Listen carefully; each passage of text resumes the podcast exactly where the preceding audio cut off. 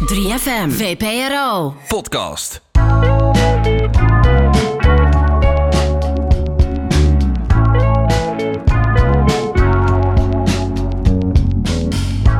Dit is een podcast van VPRO 3 voor 12 en 3FM, waarin ik, Sagit Carter, in gesprek ga met jouw favoriete artiesten. Dit is Uncut Interviews.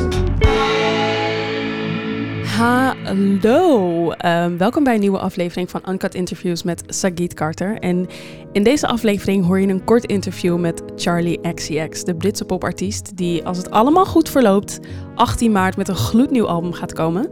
En dat is bijna twee jaar na haar album How I'm Feeling Now. Die heeft ze aan het begin van de lockdown 2020 heeft ze die uitgebracht.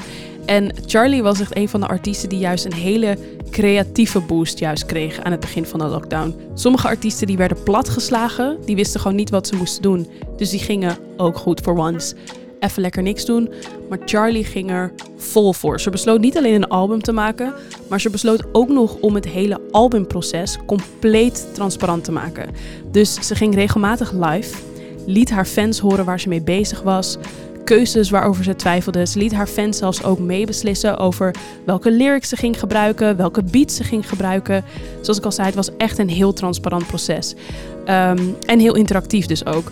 Maar voor haar aankomende album, Crash, heeft ze een hele andere aanpak genomen, waar we het uh, kort over hebben gehad. Maar ik wilde eerst nog even benoemen dat dit interview met Charlie vorige maand al is opgenomen. Dus dit was ver voor het nieuws dat uh, Charlie heeft besloten om even afstand te nemen van social media.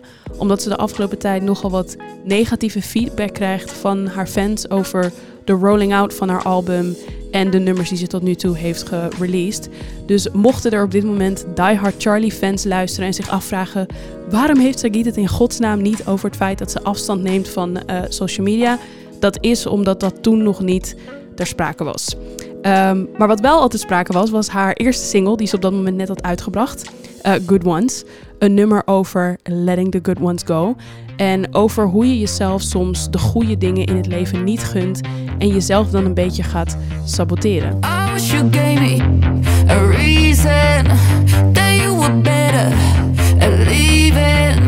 That you got your kicks from seeing me low. I always let the good ones go. Yeah, I think it's it exactly was inspired by that. You know, like I have been someone who has kind of always ran towards danger mm. instead of maybe going for like sticking with something safe or something that's good for me. So I think, yeah, as you said, I think a lot of people have sort of had that experience before. Yeah. Of mm. like leaving the things that are good for you and like going towards the fire.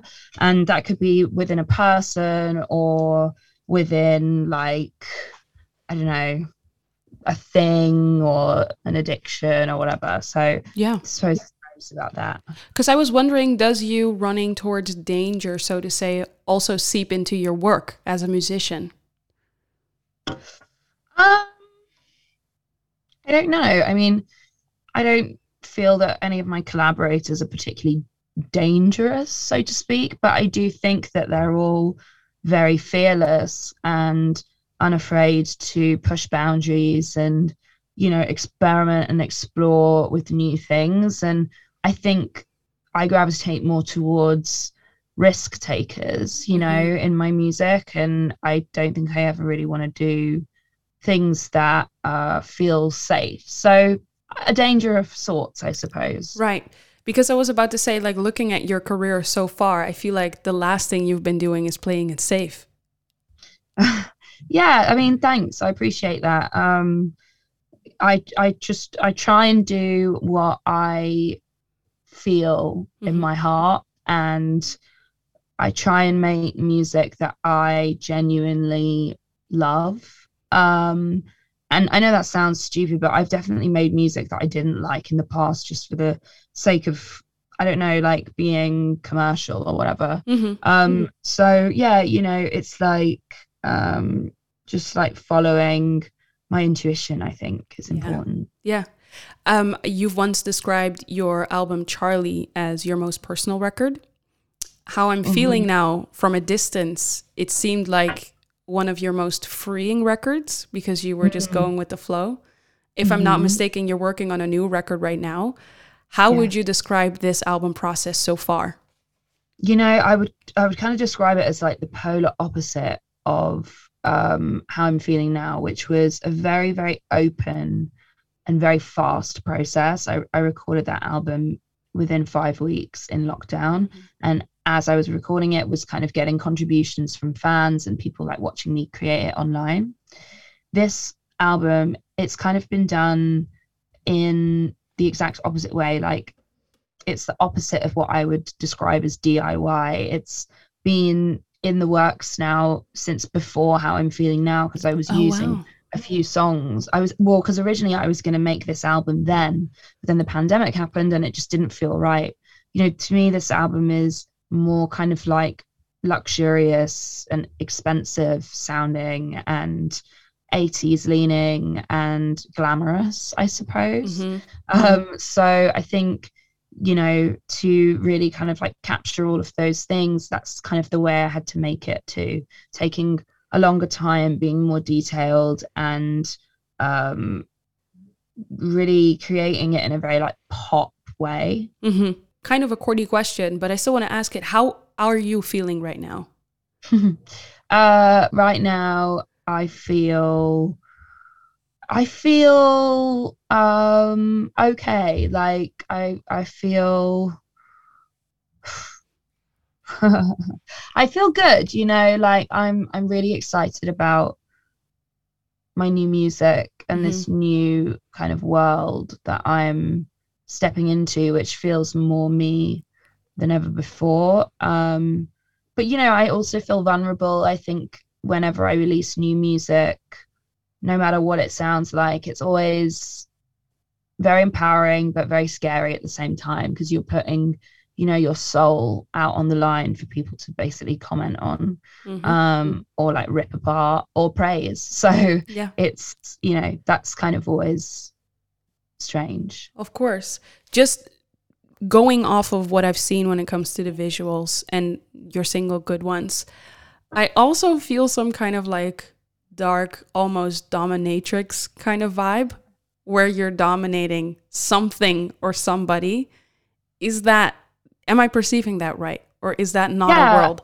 No, no, I, I think you are. And um, whilst I haven't used the word dominatrix yet, I do I do understand where you're coming from. Like there is kind of a um real like strength and um control and fearlessness to what I'm doing at the moment. And you know, I think I think I'm willing to let people read into it however they want, whether they want to see it as like a kind of sexual sexual dominance or whether they want to see it as like you know me sort of talking about pop music and the pop Mhm. music industry as a whole like i'll leave it up to interpretation but i think you know this album for me is all about empowerment and the empowerment of the self and the kind of archetypes of like what women are supposed to be in pop music. I, you know, like the stereotypes and playing into them, but also breaking them. You know. Yeah. Last question. Um, I love what you said on your Instagram. You said, tip for new artists, just do what they say. I feel like you've been doing the total opposite. Yeah. Well, yeah, totally. I mean, I've been doing this. A few tips for new artists on um, my Instagram, including, uh, I think, tips for new artists: sell your soul for money and fame. Tip for new artists: it never gets better. Things like that. And you know, I just enjoy. I enjoy playing with the tension between um, being somebody who really does do what they want and uh, really has explored a lot of different angles of the industry versus being someone who's signed to a major label and the tensions that some that can sometimes bring or that people think it brings Mhm. or you know that kind of thing i enjoy playing in that space and letting people feel what however they want to feel whether it's annoyed or whether they think it's funny or whether they think it's stupid or whether they think it's cool like i'm happy for all responses you know